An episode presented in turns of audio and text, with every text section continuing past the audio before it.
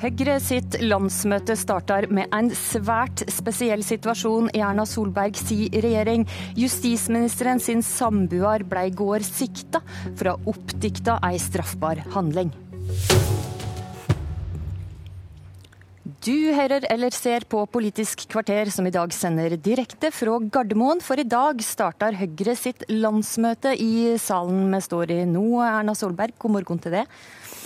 Først, vi våkna opp til nyheten i dag om at minst 40 personer er drepne i et moskéangrep i New Zealand, ifølge landets statsminister. Hva er din kommentar, Erna Solberg? Altså Først og fremst nå så er jo det en kommentar om ja, både solidaritet og sorg over alle de som er drepte. Og så er det en påminnelse om at vi er nødt til å slåss mot ekstremisme i alle former. Eh, det dette ser ut som, er jo et terrorangrep fra høyreekstreme eh, mot innvandrere og flyktninger. Og selv om det er på andre siden av jordkloden, så er det, er det et sterk påminning om hvor viktig det er for oss alle å bidra til at vi får ned spenninger, jobber mot ekstremisme, og at vi har solidaritet med hverandre når noe sånt skjer. Jeg hørte akkurat på radioen at uh, en av de som har gjort dette, har et manifest på 40 sider. Hva tenker du når du hører det? At det gir dessverre assosiasjoner også til en situasjon i Norge som, vi, som, er et av de verste punktene i vårt land og vår tid, og som selvfølgelig gjør at dette internasjonale arbeidet mot ekstremisme er ekstremt viktig. Men først og fremst er det jo i dag sorg overfor alle de drepte, alle de skadde, og ikke minst uh, og, ja, gi solidaritet til deres familier. Mm. Så må vi snakke om uh, saka som uh, overraskende kom i går ettermiddag. PST har altså sikta samboeren til justisminister Tor Mikkel Wara for å ha dikta opp ei straffbar handling. Hun ble pågrepet i går, satt i lange avhør, men sier via sin advokat at hun nekter straffskyld. Også justisministeren ble avhørt av PST som vitne. Mistanken handler om altså, at hun skal ha tent på sin egen egen bil i eh, helga. Og eh, statsråd Wara han blir nå innvelga permisjon. Og Erna Solberg, ønsker du at Tor Mikkel Wara skal fortsette som din justisminister? Som jeg sa i går, så er det altfor tidlig å gjøre noen vurderinger av det. Vi har sørget for at landet nå har en fungerende justisminister. Blir utnevnt i, i statsråd i dag, eh, Jon Georg Dale. Sånn at alt arbeidet vil fortsette med uforminsket styrke. Jeg mener Tor Mikkel har vært en veldig bra justisminister. Han har god oversikt over området. Godt, men vi må faktisk få lov å få tid til å vurdere både han, familien sin situasjon og hvordan dette utvikler seg. Men vil du helst at han fortsetter, hvis det er mulig? Hvis dette ikke hadde skjedd, så hadde jeg ikke noen planer om å endre på hvem som var justisminister. Eh, Tor Mikkel er en veldig bra justisminister for Norge. PST er direkte underlagt Justisdepartementet, og de sikta altså samboeren. Og domstolene, som han også er sjef for, de godkjente ransakinga av huset til justisministeren. Kan han i det hele tatt fortsette som sjef for disse etatene? Det er veldig viktig å huske eh, forskjellen det er mellom et etterforskningsspor og hva som er politisk eh, kontroll med justissektoren i, i, Norge. Det er Riksadvokaten, det er domstolenes uavhengighet. Det er aldri noe politisk etterforskning i Norge. Så det er vanntette skott mellom disse spørsmålene. Og det alt, har jo denne saka vist. Ja, men, alt, men, alt, dette er jo de tingene vi er nødt til å vurdere fremover. Og det, det å gjøre forhastete vurderinger før både saken har utviklet seg litt, og vi får tid til å se på det, det syns jeg ikke vi skal gjøre. Mm. Så litt om eh, bakgrunnen. Blackbox-teatret setter altså opp forestillinga 'Ways of Seeing', der det bl.a. viser video av fasaden til huset til justisministeren og samboeren. I tre måneder har det vært fem ulike hendinger ved bostaden, den siste i helga. Og på onsdag kommenterte du saka, Erna Solberg, og sa sitat. De som har laget stykket må tenke over at de også bidrar til å sette et fokus på politikere og deres omgivelser, og mennesker som bidrar til at det er tøffere å være politiker. Betyr tenke over at du mener teatret ikke bør ytre seg på den måten det er gjort. Nei, jeg sa også at det er full kunstnerisk frihet, men man må også ta ansvar for det man er med på når man gjør det. Og det er at det blir et større fokus på familier, på familiesituasjonen til politikere, på de omgivelsene man lever i, og at det er en ekstrabelastning for de vi er gift med, de barna vi har. Eh, og det er jo også en ja, vanskeligere da å være gift med en politiker eh, og oppleve dette fokuset. Så har lyst til å si at jeg det, sa Er det teaterforestillinga som har skapt denne vanskeligheten, eller er det hendingene ved bostaden til Eh, justisministeren? Veldig viktig at jeg sa veldig klart før jeg sa dette, at jeg mener ikke vi skal spekulere i sammenhengene. Og jeg mener ikke at det går an å trekke noen årsakssammenhenger mellom dette.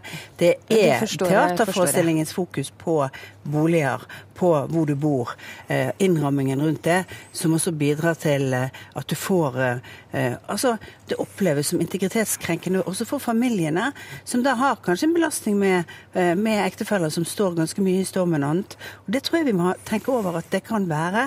Vi er veldig opptatt av hetsen som rettes mot politikere, hetsen som rettes mot samfunnsdebatter, debattanter i Norge. Dette oppleves jo også som en, eh, noe som blir vanskelig å håndtere for familier rundt. Men du står altså fast på at det er teaterforestillinga som skaper uro, og ikke disse hendingene? Begge deler skaper uro, og hendingene etterpå. Men jeg ble spurt eksplisitt også om hva vi mener om teaterforestillingen. Og det må man også ta med, at den oppleves nok som, for de som er blitt filmet, og for familien deres, som integritetskrenkende og Du som Du refsa altså denne teaterregissøren for å ha framsett teorien om at hendingene kunne være iscenesett.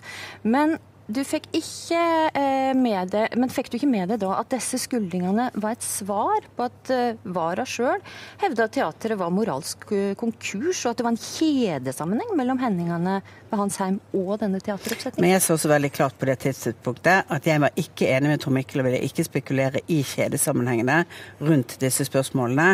Så man kan ikke ta enkeltbiter. Og så mente jeg, og det mener jeg fortsatt, at Så det ikke er lurt det er ikke lurt. Det- Jeg mente fortsatt at det ikke er lurt at vi, når politiet har en etterforskning, spekulerer i årsakssammenhenger. Det var mange invitter til meg også på den pressekonferansen til å karakterisere dette som terror. Til å gjøre, altså skulle lage spekulasjoner rundt disse spørsmålene. Jeg syns det er viktig å ikke gjøre det. Forstår at du ikke ønsker å spekulere, men du har også kalla dette ei personlig tragedie. Men hvor alvorlig mener du at selve lovbruddet er? Altså det er eh, det å, å gi inntrykk av en, en, eh, at det har foregått en kriminell handling som ikke har vært en kriminell handling, eh, og er jo Altså, det er jo å forlede å bruke politiets ressurser. Det har en strafferamme på jeg tror det er et år. Eh, Det er selvfølgelig også en alvorlig handling. Da Vara blei tilsatt i eh, jobben, eh, sa du at du ønska deg mer eh, kontinuitet i denne stillinga, etter at Anders Anundsen, Per-Willy Amundsen, Sylvi Listhaug og Per Sandberg har hatt denne posten. Nå blir Jan Georg Dale din sjette justisminister, hvis jeg har telt rett. Eh, hvis du tar med deg som er midlertidig. Kan det være tida for at det tar inn en representant fra Høyre i denne stillinga? Jeg tror ikke vi skal spekulere om fordelingen av eh, poster i regjeringen akkurat nå. Nå skal vi håndtere situasjonen, og Jon Georg Dale er en utmerket person til å håndtere dette. Vi har gode statssekretærer som er godt inne i arbeidet, har vært der lenge og representerer mye kontinuitet. Så, så vi skal håndtere de sakene og utfordringene som Justisdepartementet står oppi, selv om vi skulle ønsket at vi hadde hatt en justisminister som Tor Mikkel Wara kunne være i jobben og fortsette det gode arbeidet han har gjort. Vi må snakke litt også om Høyre, for det er jo landsmøtet som starta her i dag. Og selv om saka med Tor Mikkel Wara kanskje ikke var den beste opptakten til dette landsmøtet, så viser siste måling fra ANB at Høyre er landets største parti. Arbeiderpartiet og Høyre ligger helt jevnt eh, når Poll og Polls samler eh, kommunevalgsmålingene. Hvorfor går det så bra med Høyre? Jeg tror folk ser at landet styres godt, at vi har gode resultater. Og det er jo sånn at etter fem og et halvt år så ser man resultater av mye av den innsatsen vi har. Altså En ting er at ledigheten er lav og at veksten er høyere, men vi ser jo at skoleresultatene blir bedre.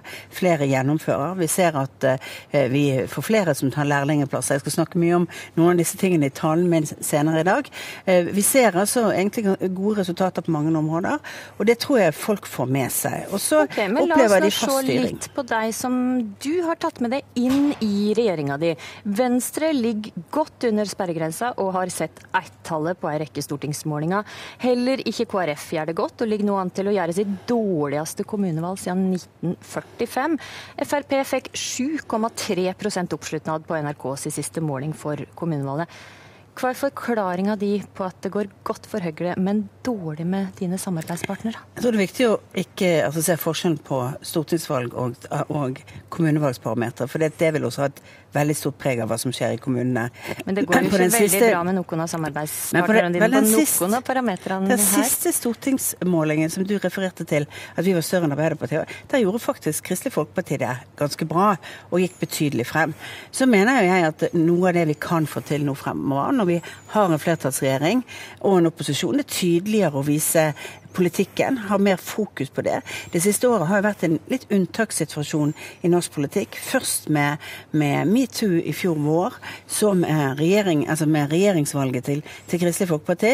Og det har vært mindre fokus på enkeltsakene og på saksinnholdet. Jeg mener Venstre f.eks. får mye igjen for å sitte i regjering. Får mange gode saker igjennom. Og så er jo vår jobb å synliggjøre vår politikk, og synliggjøre også de enkelte partienes gjennomslag for viktige, prioriterte saker. Men du sier at det går bra bra med Høyre, for det får vist fram politikken det fører, men Får ikke Venstre vist fram politikken de fører, da? Nei, de har jo sittet kortere i regjering. Og eh, det, det, som selvfølgelig alltid er en utfordring, er at på noen områder så har Venstre og Høyre veldig sammenfallende politikk på viktige områder som utdanning og kompetanse, som har vært viktige felles prioriteringsområder.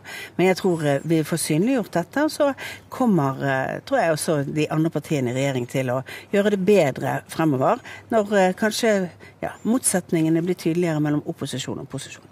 Ja, for eh, mellom opposisjon og posisjon, sier du. Det har vært flere interne krangler i uh, regjeringa etter Granavolden.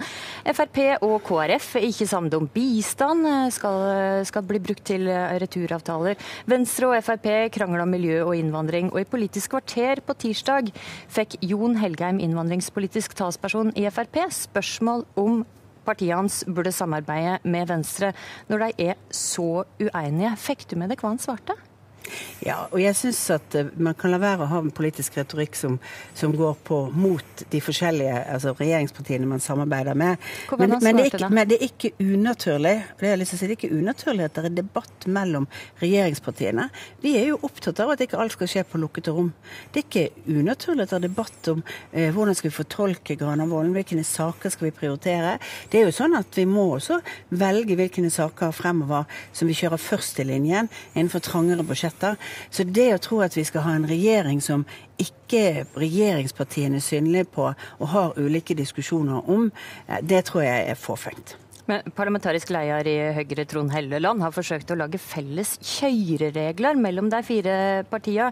De lyr bl.a. slik. Det, skal, det som står i plattformen kan godt diskuteres internt, men eh, det skal ikke diskuteres eksternt. Det skal ikke skytes mot medspilleren, men motspilleren. Hvordan eh, syns du praktiseringa av disse kjørereglene har eh, gått til nå? Vi har helt sikkert mye vi skal øve på i forhold til dette, men eh, jeg syns faktisk at det går ganske bra. Jeg synes vi har, eh, Og vi kommer til å ha diskusjoner om saker. Eh, men vi har gode saker. Og så er det sånn at fortolkningen av Granavolden-plattformen, det gjør faktisk partilederne. Og det er kanskje noe vi skal øve enda mer på. Jeg skjønner. Du, du har kalla salen som er bak oss her, for Noreg sin viktigste politiske verkstad. Forrige landsmøte vedtok det ja til eggdonasjon og ja til assistert befruktning for enslige. Det har også vedtak på at eh, det ikke vil endre abortlova.